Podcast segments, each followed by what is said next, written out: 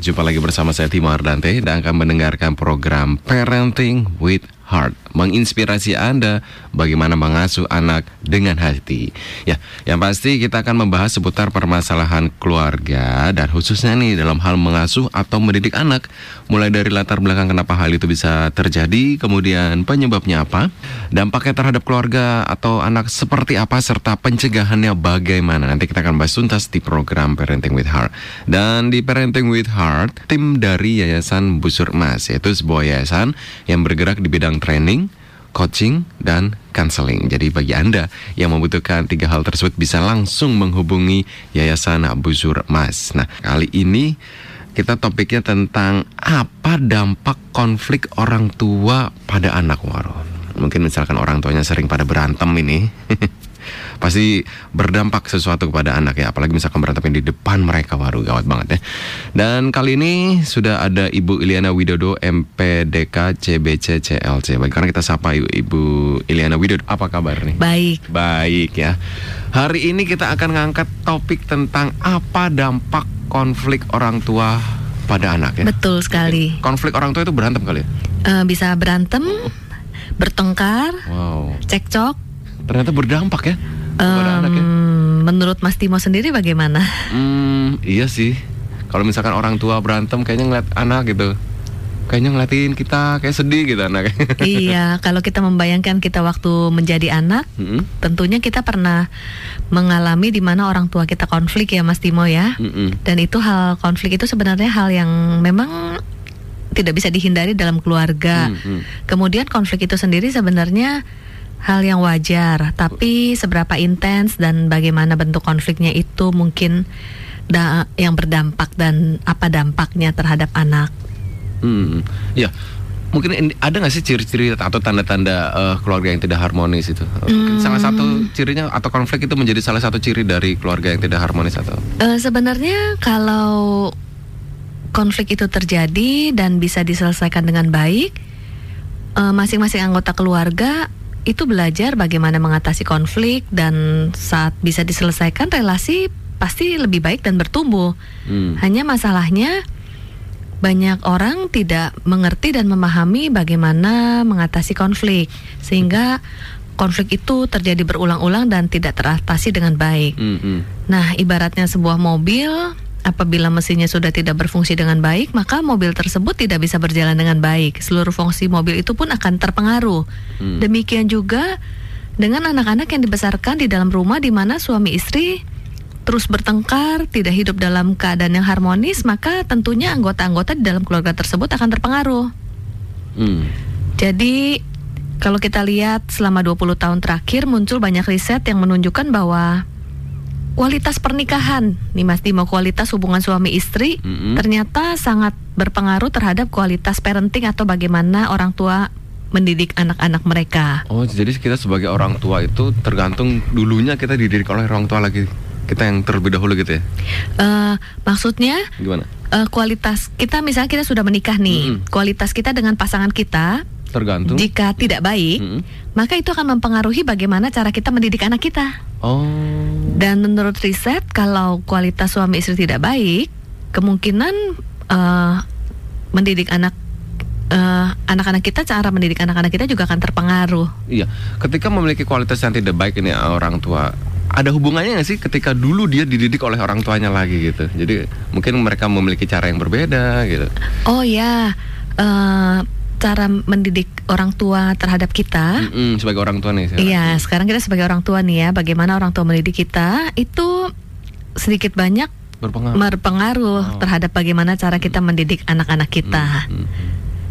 Jadi uh, sebenarnya hal itu bisa diatasi apabila kita belajar hmm. sebagai orang tua. Hmm.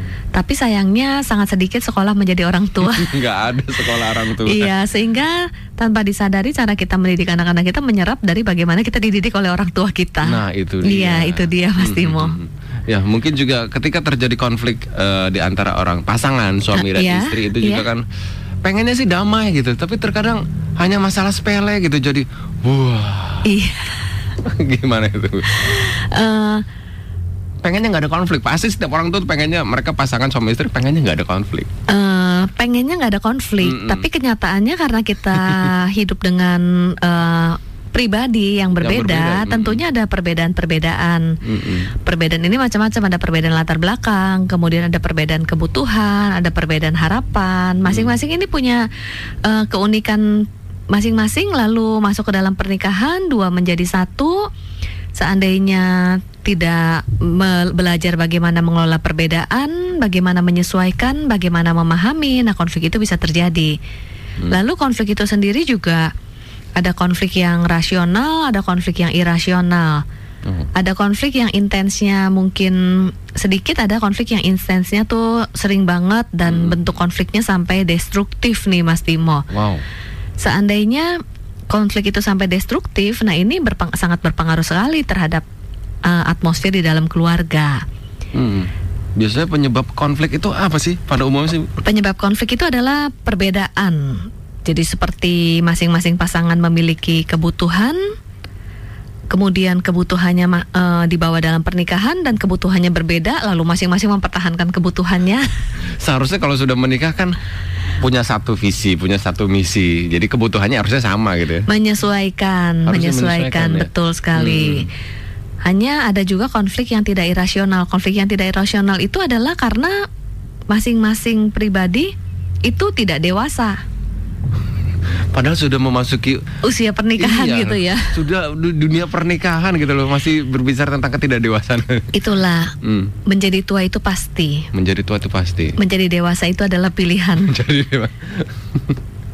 berarti harus banyak belajar nih ya. Ya, sebagai orang tua kita harus banyak belajar dan tentunya program Parenting with Heart ini adalah untuk memperlengkapi orang tua untuk kita terus bertumbuh menjadi lebih baik lagi ya Mas Timo ya. Wow, tepat sekali. Tadi kita sudah memberikan latar belakang dan atau Eh, pen- konflik dari Iya, pengaruhnya iya. konflik Hmm, terhadap eh, anak ya. Iya. Mm-mm. Ada nggak sih jenis-jenis konflik itu? Ya, eh, kembali lagi ya Hmm. eh, bahwa di dalam berelasi dengan orang lain, apalagi di dalam sebuah keluarga, pasangan suami istri memang tidak bisa menghindari konflik. Eh, bagaimana nih? Kita perlu mengetahui lebih dulu ada jenis-jenis konflik. Mm-mm. Yang pertama adalah konflik yang konstruktif. Apa tuh? Eh, konflik yang konstruktif itu begini. Eh, apabila suami istri konflik atau bertengkar, Hmm. kemudian dapat mengatasinya, dapat diperbaiki, kemudian diperbaiki dengan memuaskan dan damai, kemudian juga kedua orang tua senang nih dengan hasilnya, maka hal ini dapat berdampak positif pada anak. Karena anak juga belajar bahwa kenyataan dalam hidup ini kita tidak bisa eh, lepas dari konflik, tapi anak akan belajar bagaimana manajemen konflik itu sendiri, konflik manajemen. Jadi bagaimana konflik itu diselesaikan. Hmm. Tapi seorang anak apa mengerti hal itu? Eh, orang tua bisa memberikan contoh bahwa apabila terjadi perbedaan, bagaimana menyesuaikan satu dengan yang lain. Apabila tanpa tersengaja, tanpa disengaja melukai atau terluka, bisa saling memaafkan dan mengampuni, bisa ada rekonsiliasi. Hmm. Nah, anak akan melihat contoh dari orang tua di mana bisa saling memaafkan, kemudian rekonsiliasi, lalu bagaimana orang tua berjuang untuk eh, saling menyesuaikan. Hmm. Toh nanti anak akan belajar pada saat menghadapi dunia nyata, anak juga akan pasti akan mengalami konflik dan nanti waktu memasuki pernikahan anak juga Hmm. akan mengalami konflik, tapi dia mendapat skill bagaimana mengatasi konflik dengan belajar dari orang tuanya, bagaimana orang tua mengatasi konflik. Iya. Dan sering kali eh, orang tua mungkin bersi- bersandiwara di depan anak, semuanya terlihat baik-baik dan Kadang-kadang kan ada eh, sebagian ilmu parenting ketika mengatakan ketika terjadi pertengkaran jangan dilakukan di depan anak gitu. Betul sekali. Bagaimana anak mau belajar kan kalau nggak ngelihat hal itu? betul sekali diusahakan pada saat pertengkaran jangan jangan dilakukan di depan anak. Mm-mm. Kemudian juga perbedaan pendapat kita berdebat al- eh, sangat baik sekali tidak dilakukan di depan anak. Hanya Mm-mm. eh, banyak hal-hal yang memang eh, tidak terhindarkan gitu. Misalnya Oh. ada perbedaan pendapat, kemudian saat situasi kurang Lagi baik, nyetir, emosional istri. tinggi, yes seperti Anak itu. di belakang, istri di samping lagi nyetir. Wah. Iya, iya, iya. Nah dari situ dari mulai ada perbedaan pendapat pun kalau misalnya belum sampai terjadi pertengkaran, eh, anak akan belajar bagaimana suami dan istri saling menyesuaikan perbedaan. Hmm. Itu akan sangat konstruk- konstruktif sekali. Oh. Iya. Dan yang pastinya apabila suami istri bisa melewatinya dan mengatasinya, relasi suami istri akan bertumbuh. Mm-mm. Pada saat relasi suami istri bertumbuh semakin harmonis itu memberikan atmosfer yang kondusif bagi perkembangan anak. Mm, mm, mm. Tapi ketika ketika terjadi pertengkaran itu di dalam mobil itu dan akhirnya terselesaikan masih di dalam mobil juga untuk menerangkan ke anaknya nih gimana ya kira-kira gitu. Oh ya. Sesu- sesuatu yang terjadi antara suami istri, kemudian eh, bagaimana menjelaskan kepada anak supaya anak Mm-mm. mengambil maknanya ya. Mm-mm.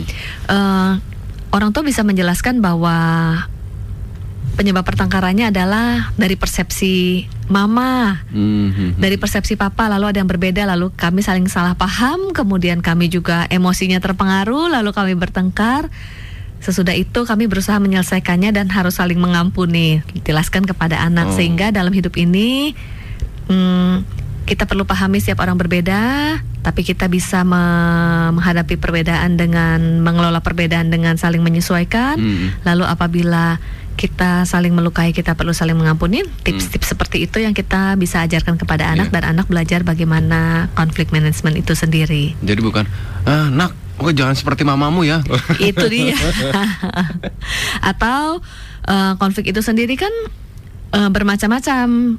Sekedar perbedaan, lalu kemudian ada yang intensnya banyak sekali tapi tidak terselesaikan. Jadi Jadi sering terjadi dan tidak terselesaikan. Menggantung gitu. Ya. Hmm. Kemudian juga apabila pertengkaran yang tidak dibiarkan tidak selesai dalam jangka waktu yang lama dan sering, maka akan muncul konflik-konflik berikutnya yang Hmm. mungkin lebih agresif, kemudian mungkin eh, mulai menyerang, kemudian dan sebagainya. Nah, ini sudah masuk kepada konflik yang destruktif atau merusak. Oh. Iya. Nah, ini dia sering kali orang tua merem- cenderung meremehkan efek konflik terhadap pasangan sehingga konflik Hmm. itu tidak terselesaikan. Kalau tadi ada konflik yang konstruktif ya, Mas Timo ya. Bisa terselesaikan. Eh, Mhm. konflik yang membangun ya Mm. terselesaikan dan akhirnya jadi membangun. Mm-mm. Ini beberapa contoh konflik yang destruktif sampai ke serangan verbal, Apa tuh? eh, kemarahan verbal misalnya berteriak, kemudian menyumpah, menghina. Ini udah saling menyerang pribadi. Hmm. Kemudian juga ada yang mungkin serangan fisik seperti mulai mem- mem- apa ya membanting pintu, Membanting piring. membanting melempar. piring, melempar barang, kemudian memukul meja. Mm-mm. Eh, lalu juga ada lagi yang kemarahan nonverbal. Kalau tadi kemarahan verbal itu seperti berteriak, ancaman, saling eh, menyudutkan. Ada lagi kemarahan nonverbal seperti misalnya akhirnya suami istri saling mendiamkan satu dengan yang lain. Nah ini kan anak juga bisa melihat eh, banyak suami istri meremehkan, nggak ngomong satu dengan yang lain Oh iya tuh. kemudian diem-dieman, Mhm. terus kemudian tidur berpisah seperti itu. Mhm. Eh, padahal ini sangat berpengaruh pada anak dan penelitian menunjukkan bahwa kemarahan nonverbal seperti diam-diaman antara suami istri dan kemarahan yang verbal menyudutkan itu juga s- reaks eh, dampaknya sama karena menyebabkan anak tertekan, menyebabkan anak takut. Padahal diam loh bu. Padahal diam. Iya. Bahkan mungkin berharap anaknya nggak tahu kalau mereka tuh lagi berantem gitu. Yes, tapi nanti kita akan lihat Mas Timo. Kalau konflik yang tidak terselesaikan lalu dipendam oleh suami istri, apa nih dampaknya? Wow. Iya, Ada dampaknya. ada dampaknya. Hmm, hmm, hmm. Ya, Ya, Kalau misalkan tadi terjadi eh, suami yang temperamen gitu, misalkan banting-banting ada kan tipe yang orang seperti itu. Mm-mm, Ketika marah banting-banting, ada tipe orang yang ketika marah diem aja gitu. Iya. Untuk merubahnya kan sus- sulit itu. Tentunya kalau temperamen masing-masing orang Mm-mm. itu berbeda satu dengan yang lain. Hanya bukankah kehidupan kita itu seharusnya terus bertumbuh dan menjadi lebih baik? Seharusnya. Ya, karakter kita juga menjadi lebih baik, emosi kita juga menjadi lebih dewasa sehingga kita bisa mengelola diri. Hmm. Yang tadinya mungkin agresif, yang tadinya mungkin kalau eh, marah eh, meledak Hmm. atau eh, langsung Langsung diem. diekspresikan, yang Hmm. satu mungkin tidak ekspresif, dis- disimpan, Hmm. disimpan itu juga sebenarnya kan bukan penyelesaian konflik yang baik, itu sebenarnya Hmm. kekecewaan dan emosi negatif yang disimpan dan Mungkin sedang memiliki dampak tersendiri lagi Yes, terhadap iya, diri. memiliki dampak tersendiri lagi. Mhm. Di sit- inilah sebabnya bagaimana menyelesaikan konflik itu penting sekali. Bukan menghindarinya, bukan menyimpannya, bukan memendamnya, ataupun meluap-luap mm, melemparkan kekesalan Ber- kepada bukan orang lain. menghindarinya. Berarti konflik itu memang tidak boleh dihindari atau enggak? Bukan Eh, menghindari. menghindari dalam arti eh, ya udah iya iya aja walaupun gak setuju iya saja iya Kan biar saja. damai gitu, bukan? Maksud mungkin salah satu pasangan udahlah yang penting udah damai. Iya ya. Padahal dalam hati kan wow. Ya, sebenarnya dalam relasi dalam relasi itu sebenarnya Tidak eh, boleh. tidak ber- eh, tidak bertumbuh dengan maksimal. Oh. Jadi Dan- memang ketika terjadi konflik udah terjadi aja gitu. Eh, bedanya begini, Gimana? apabila misalnya itu dipendam, sebenarnya kan menyimpan kekecewaan. Mm-mm. Lalu eh, kelihatannya tidak konflik, tapi menyimpan kekecewaan. tidak konflik. Iya, menyimpan emosi negatif di dalam hati. Mm-mm. Kemudian eh nanti kalau kita menyimpan kekecewaan, kita ini tanpa disadari bisa melakukan displacement. Apa tuh? Eh, emosi negatif yang tersimpan kita lampiaskan kepada yang lainnya. Pada anak kita mungkin Sangat satu. sering sekali. tanpa Bisa- kita sadari berarti tanpa itu. kita sadari. Wow. Jadi kalau eh, kekecewaan disimpan, kemudian ya udahlah daripada ribut, saya diam. Tapi sebenarnya hatinya mau menyimpan kekecewaan, menyimpan luka, menyimpan Hmm, sakit hmm, hati, hmm, hmm, hmm. dan itu tidak diselesaikan, berarti kan emosi negatif itu menumpuk dalam hati kita. Mm-mm. Dan setiap emosi negatif yang tertumpuk itu eh, itu berdampak dan salah satunya adalah kita mau marah kepada pasangan nggak bisa dan akhirnya dilampiaskan kepada anak dan sering sekali hal ini terjadi. Jadi anak mungkin melakukan hal yang sepele, tidak berkenan terhadap Mm-mm. orang tua, tapi orang tua marah-marah ke anak berlebihan. Mungkin sebenarnya kesal terhadap pasangan Oh. Sering terjadi itu. dan ini sering terjadi. Pengalaman ibu selama ini menangani konseling Eh, selain men- pengalaman menangani Hmm. konseling juga itu terjadi kepada relasi antara saya dengan suami saya apabila ada Oh. konflik yang tidak terselesaikan. berarti nanti harus ada penyelesaian tersendiri itu. Yes, betul sekali. Ya, mengenai tadi jenis konflik itu sendiri Bu, kembali ke tentang jenis konflik Iya. konstruktif, destruktif, Ya, eh, itulah sebabnya pernikahan yang buruk dapat mempengaruhi kesejahteraan anak. Hmm. Karena kebutuhan mendasar anak dalam pertumbuhannya adalah sebenarnya ketentraman, damai. Tidak bisa tidak kalau relasi orang tua itu penuh dengan konflik, tidak terselesaikan, itu akan menciptakan suasana rumah yang tidak nyaman. Hasilnya anak itu hidup dalam kondisi yang tegang terus-menerus. Kemudian juga konflik destruktif atau pertengkaran yang terlalu keras itu sebenarnya sesuatu yang yang apa namanya eh akan diserap oleh anak. Hmm. Contohnya seperti ini.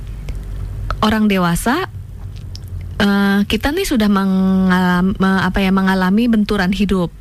Kita Iya. kan sudah mengalami ketegangan. Mm-mm. Di kantor. Iya.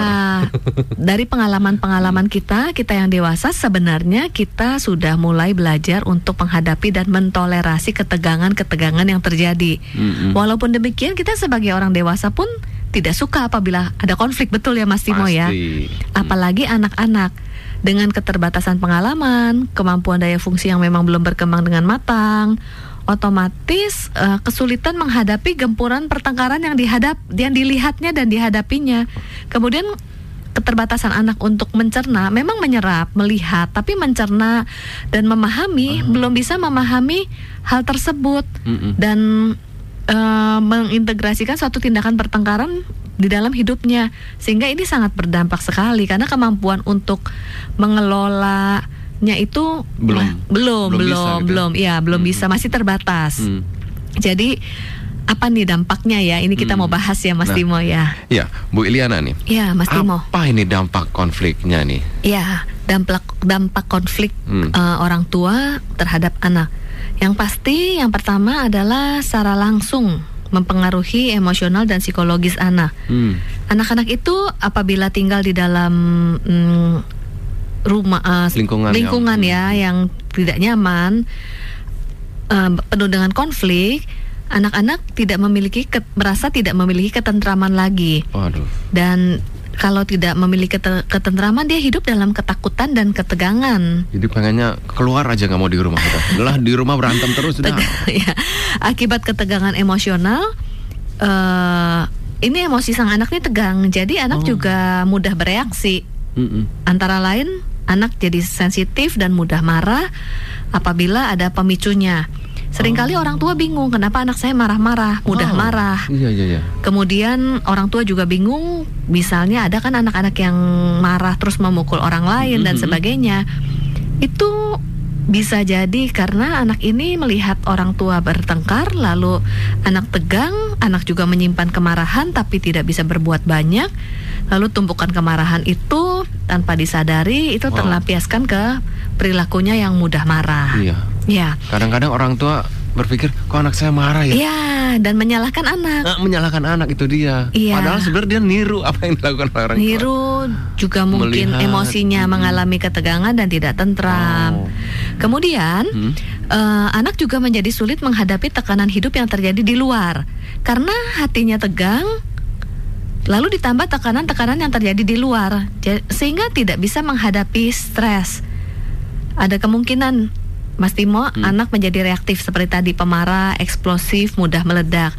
Tapi ada juga yang berkebalikannya, di hatinya sudah tegang karena tekanan dari orang tua, ditambah tentunya di dalam kehidupan kita bisa menghadapi tekanan yang lain, Iya, misalnya iya. tekanan di sekolah, Mm-mm. kemudian tekanan dengan Teman-teman. iya, yang satu mungkin eh, responnya, reaksinya eksplosif keluar, tapi ada anak yang jadi mudah patah semangat dan Mudah tidak ada semangat hidup patah. lagi. Jadi dia Sebesar itu dampaknya kan? Ya, Eh, ini secara emosional. Kemudian juga ada eh, dampak lainnya, Mm-mm. rasa kepercayaan si anak terhadap orang tua terpengaruh karena anak melihat orang tua tidak bisa menangani konflik dan memelihara kestabilan kelu- dalam keluarga, dan anak menafsirkan orang tua mereka dengan negatif sehingga tidak trust. Karena tidak trust, kecewa terhadap orang tua, anak akibatnya bisa marah dan memberontak terhadap orang tua. Hmm. Jadi rasa trust itu, rasa percaya itu tidak ada. Konflik lalu tidak terselesaikan, orang tua tidak menjadi contoh. Pandangan anak terhadap orang tua menjadi negatif. Selain itu juga ini adalah hal yang penting. Ke- anak itu memiliki kebutuhan emosional. Selain selain butuh kasih dan penerimaan dari orang tua, anak juga butuh kepastian bahwa papa dan mama saling mengasihi. Anak perlu melihat papa dan mama saling mengasihi. Oh, anak juga pengen mengetahui, pengen lihat orang tuanya tuh. Jadi ibaratnya damai gitu ya. Eh, ya, ya, anak itu perlu pas, Oh. eh, perlu tahu pasti bahwa papa dan mama saling mengasihi. Dan itu kebutuhan seorang anak. Wah, kita selama ini nggak sadar loh. kita pikir ya anak mah nggak ngerti lah kan gitu kan. Ya, kita berpikir anak eh, sudah cukup dengan eh, Oh, kita- dipenuhi kebutuhan Ah. jasmani, disekolahkan, Mm-mm. kemudian Apa yang dia minta kehidupannya. dikasih ya, gitu. ya, Pengen minta ya. mainan dibeliin. Ya, ya, tapi tidak menyadari bahwa anak itu hatinya akan sangat tenang dan eh, happy lah bahagia waktu melihat papa dan mama juga saling mengasihi. Ini adalah kebutuhan emosional anak. Oh. Dan sering kali, sering kali nih ya Mas Timo ya, misalnya eh, suami istri konflik, kemudian salah satu pasangan berpi- eh, berpikir seperti ini, ya sudah deh, yang penting saya sayang sama anak. Lalu kemudian Sering banget denger sering kata-kata. banget ya sering banget kemudian akhirnya lebih memprioritaskan hubungan dengan anak tap- Mm-mm. eh, kemudian diem-dieman dengan pasangan, Pasangan, tapi terus dengan anak Mm-mm. nah anak ini tidak melihat papa dan mama saling mengasihi dan dia lihat papa dan mama diem-dieman seperti itu Itu ternyata juga berpengaruh kepada anak. Kita- Yes. Karena kita sebagai orang tua kita berpikir ya udah kita kasih sayang kepada anak ya udah berarti anak tuh sudah tercukupi. Ternyata tidak. Iya, itu berpengaruh selain berpengaruh kepada kebutuhan emosional itu juga berpengaruh kepada nanti pada saat anak itu berelasi dengan orang lain. Oh. Dan bagaimana anak memandang salah satu orang tua, anak akan memandang siapa yang salah, siapa yang benar. Misalnya gini, misal, misal ya, saya sebagai seorang mama, ibu. Mm-mm. Kemudian saya konflik dengan suami, saya tidak terselesaikan, saya kesal dengan suami, Mm-mm. lalu saya mengambil keputusan yang penting saya akan baik-baik dan sayang sama anak. Nah, gitu. Kemudian saya terus saya eh, apa namanya eh, lebih intens berhubungan dengan anak, anak, saya. Sebenarnya saya pribadi kan saya butuh connection, relasi yang intim dengan suami, tapi saya tidak dapatkan. Lalu saya ingin uh, menggantikan hal itu dengan anak, anak saya. Se dan anak tanpa disadari saya nanti curhat. Terus begitu kalau saya sedih juga anak saya uh, bisa lihat apalagi nih ya sampai bilang lain kali kamu jangan seperti papa kamu ya. nah, tanpa tanpa disadari sebenarnya uh, anak yang mendapat kasih sayang dari dua orang tua anak ini menjadi pengganti suami saya untuk memenuhi kebutuhan emosional saya. Waduh. Ini sering kali tanpa disadari oleh orang tua. Hmm. Dan anak tidak merasakan bahwa sebagai seorang anak yang butuh uh, teladan dari kedua orang tua, kasih sayang dari orang tua, dan orang tua yang saling mengasihi. Wah. Dan nanti dia melihat bahwa contoh kehidupan sebagai suami istri adalah nggak apa-apa hal itu wajar aja. Itu yang tanpa disadari dipelajari oleh seorang anak dan berpengaruh apalagi apalagi misalnya mm-hmm. misalnya saya seorang seorang ibu kemudian saya punya anak perempuan saya banyak curhat papa kamu A B C D mm-hmm. dan anak itu dia mencerna apa yang dikatakan orang tua dia Wah. melihat oh ternyata seorang pria itu kurang baik uh, dan sebagainya mm-hmm. itu juga tanpa disadari mempengaruhi bagaimana sang anak memandang seorang pria nanti. Wow. Jadi speechless saya. Ternyata dampaknya sangat luar biasa ya. Uh, ini yang sering tidak disadari oleh orang tua, hmm, hmm. meremehkan pertengkaran atau konflik yang tidak diselesaikan. Ya. Nah, ada dampak. Untuk okay. Anda sudah ada yang masuk nih. Uh, bagi Anda yang ingin bertanya bisa melalui line WhatsApp kita di 0855 8851006. Okay. Shalom, selamat pagi. Saya Lina dari Rajak nih. Saya mau tanya, apa yang harus dilakukan seorang anak agar tidak meniru perkelahian orang tua? Apakah konflik orang tua bisa dihindari dan bagaimana cara menghindarinya? Thanks. Ibu Lina dari Rajak. Oke, pertanyaannya bagaimana seorang anak untuk tidak, tidak meniru, meniru perkelahian orang tua? Uh, justru pertanyaan, uh, justru uh, pertanyaannya adalah orang apabila orang tua tidak ingin anak meniru perkelahian orang tua, Jadi apa yang perlu dilakukan oleh orang tua? Eh, jangan berkelahir. Tapi kan itu tidak mungkin di dalam rumah tangga, Bu. Iya. Pasti ada konflik itu. Iya. Hmm. Uh, sekarang kita lah jadi membahas bagaimana kita mencari jalan keluar dari konflik itu sendiri ya. Hmm.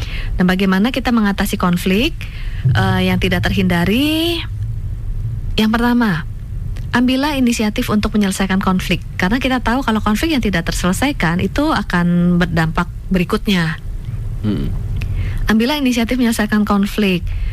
Uh, walaupun kita merasa dirugikan atau kita yang merugikan, alangkah baiknya diselesaikan. Godaan yang terbesar itu konflik berlanjut adalah godaan untuk mempertahankan kebenaran sendiri. Karena secara alamiah manusia tuh nggak suka disalahkan sehingga memperjuangkan mati-matian saya benar dia salah.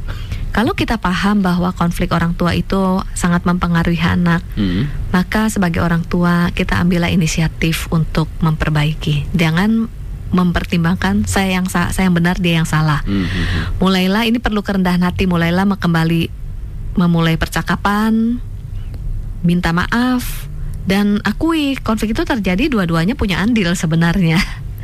Bukan hanya satu ya? Ya, lalu juga untuk menyelesaikan konflik itu persiapkan waktu berkomunikasi, waktunya tepat atau tidak, jangan di tengah-tengah kesibukan atau kelelahan. Seringkali konflik terjadi karena membahas sesuatu yang penting tapi di, di, di situasi yang tidak pas. Lalu cara berbicaranya juga jangan meledak-ledak, bicaralah secara asertif, ungkapkanlah keinginan dengan baik, tunjukkan penghargaan satu dengan yang lain. Kemudian berikutnya baru mencari jalan keluar seperti bernegosiasi, atau mungkin uh, mencari jalan tengah atau mungkin mencari orang ketiga. Yes, mencari orang ketiga. Kalau seandainya konflik terus menerus dan tidak hmm. terselesaikan, bisa minta bantuan orang ketiga atau konselor.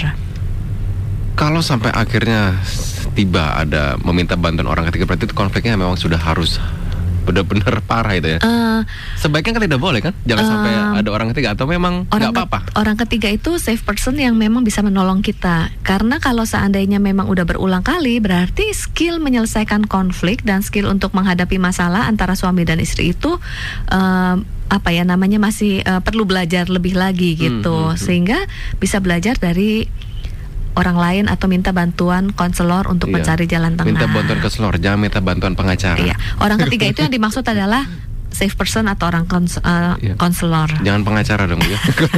itu urusannya udah waduh gawat. Iya. Di 0855 885 1006 eh, Makasih tadi yang- untuk pertanyaannya. Sudah ada yang masuk lagi nih. Oh, eh, Shalom, waduh, luar biasa sekali.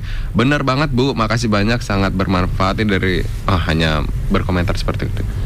Oke. Oke, terima kasih.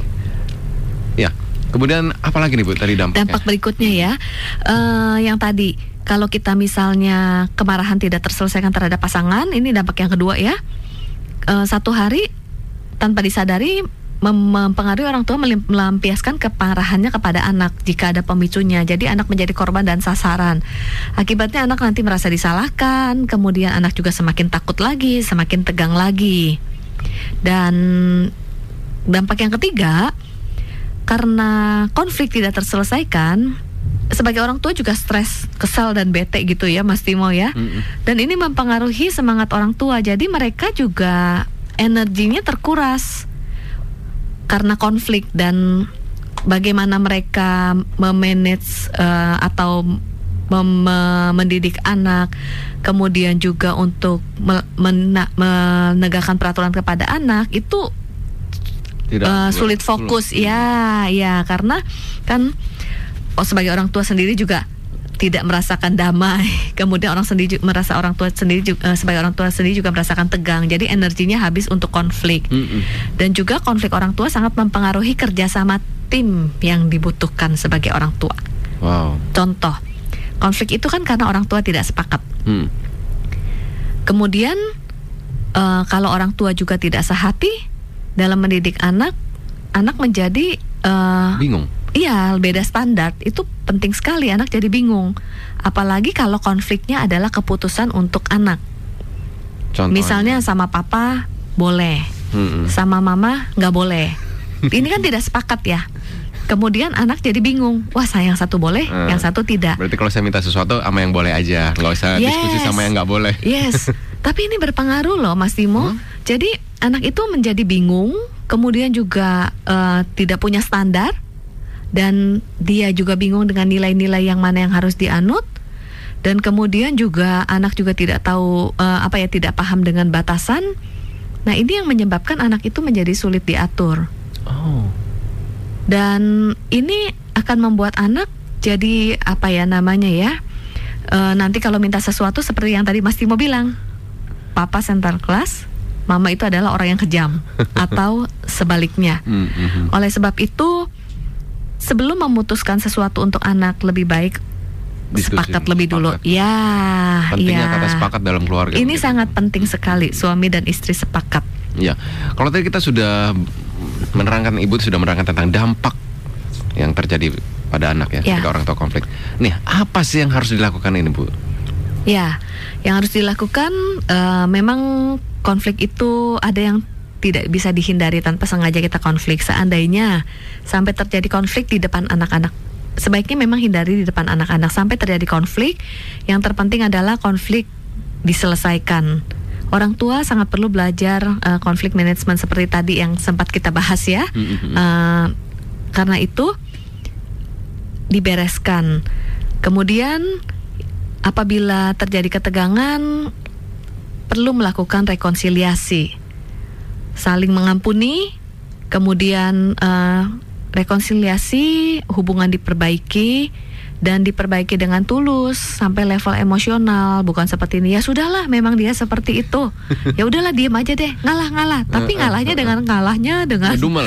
kedumel dan kemarahan dan kembali lagi kalau itu tidak diselesaikan di dalam hati kita emosional kita dan nanti satu hari ada pemicunya kita bisa Meledak muncul lagi. lagi. meledak lagi Berarti itu bukan penyelesaian ya? itu bukan penyelesaian bisa Oh. meledak dan bisa juga terlampiaskan kepada anak Wow. ya kemudian anak-anak dan ini ini sangat baik karena anak-anak melihat orang tua menyelesaikan konflik dan masalah dengan cara yang sehat dan walaupun anak sempat terluka karena melihat orang tua konflik dan tap, tapi kalau anak bisa melihat bahwa orang tua saling memaafkan dan hubungannya uh, terjadi rekonsiliasi anak itu akan merasa terobati Oh. dan jangan ragu orang tua itu meminta maaf kepada anak atas permasalahan yang terjadi antara orang tua Wow.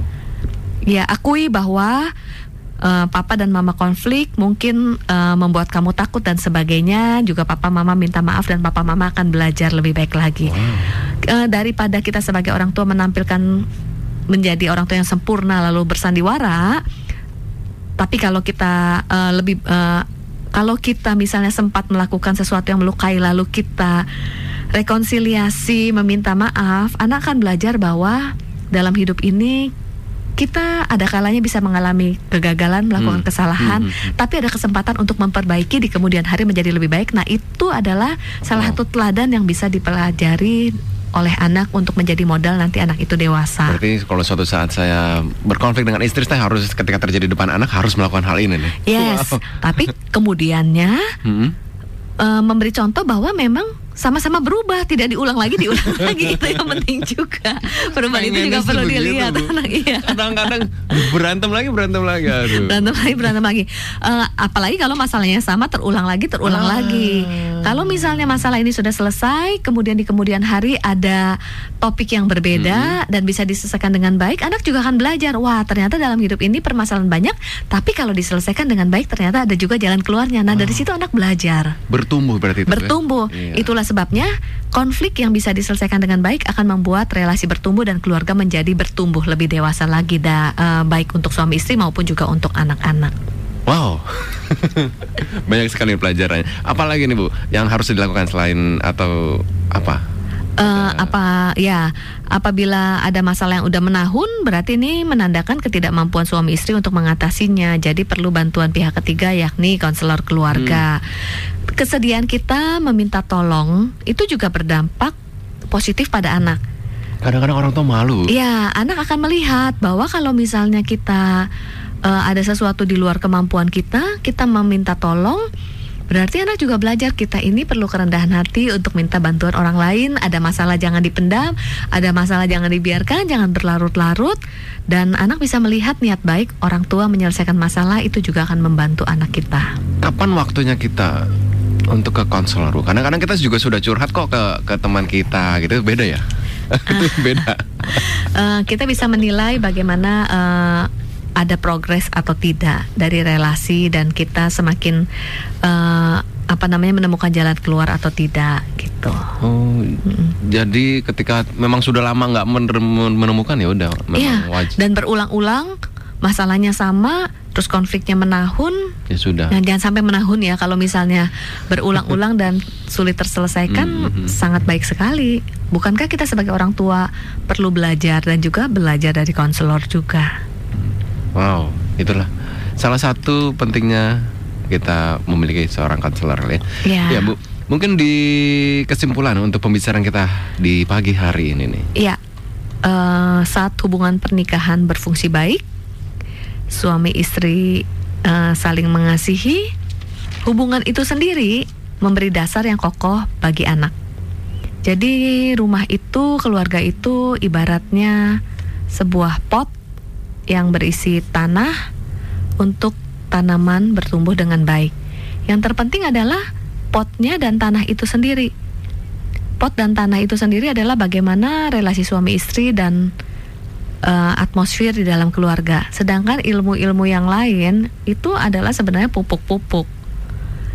Hmm. Jadi betapa pentingnya relasi suami istri itu dibangun dengan baik. Sangat penting bu. Iya.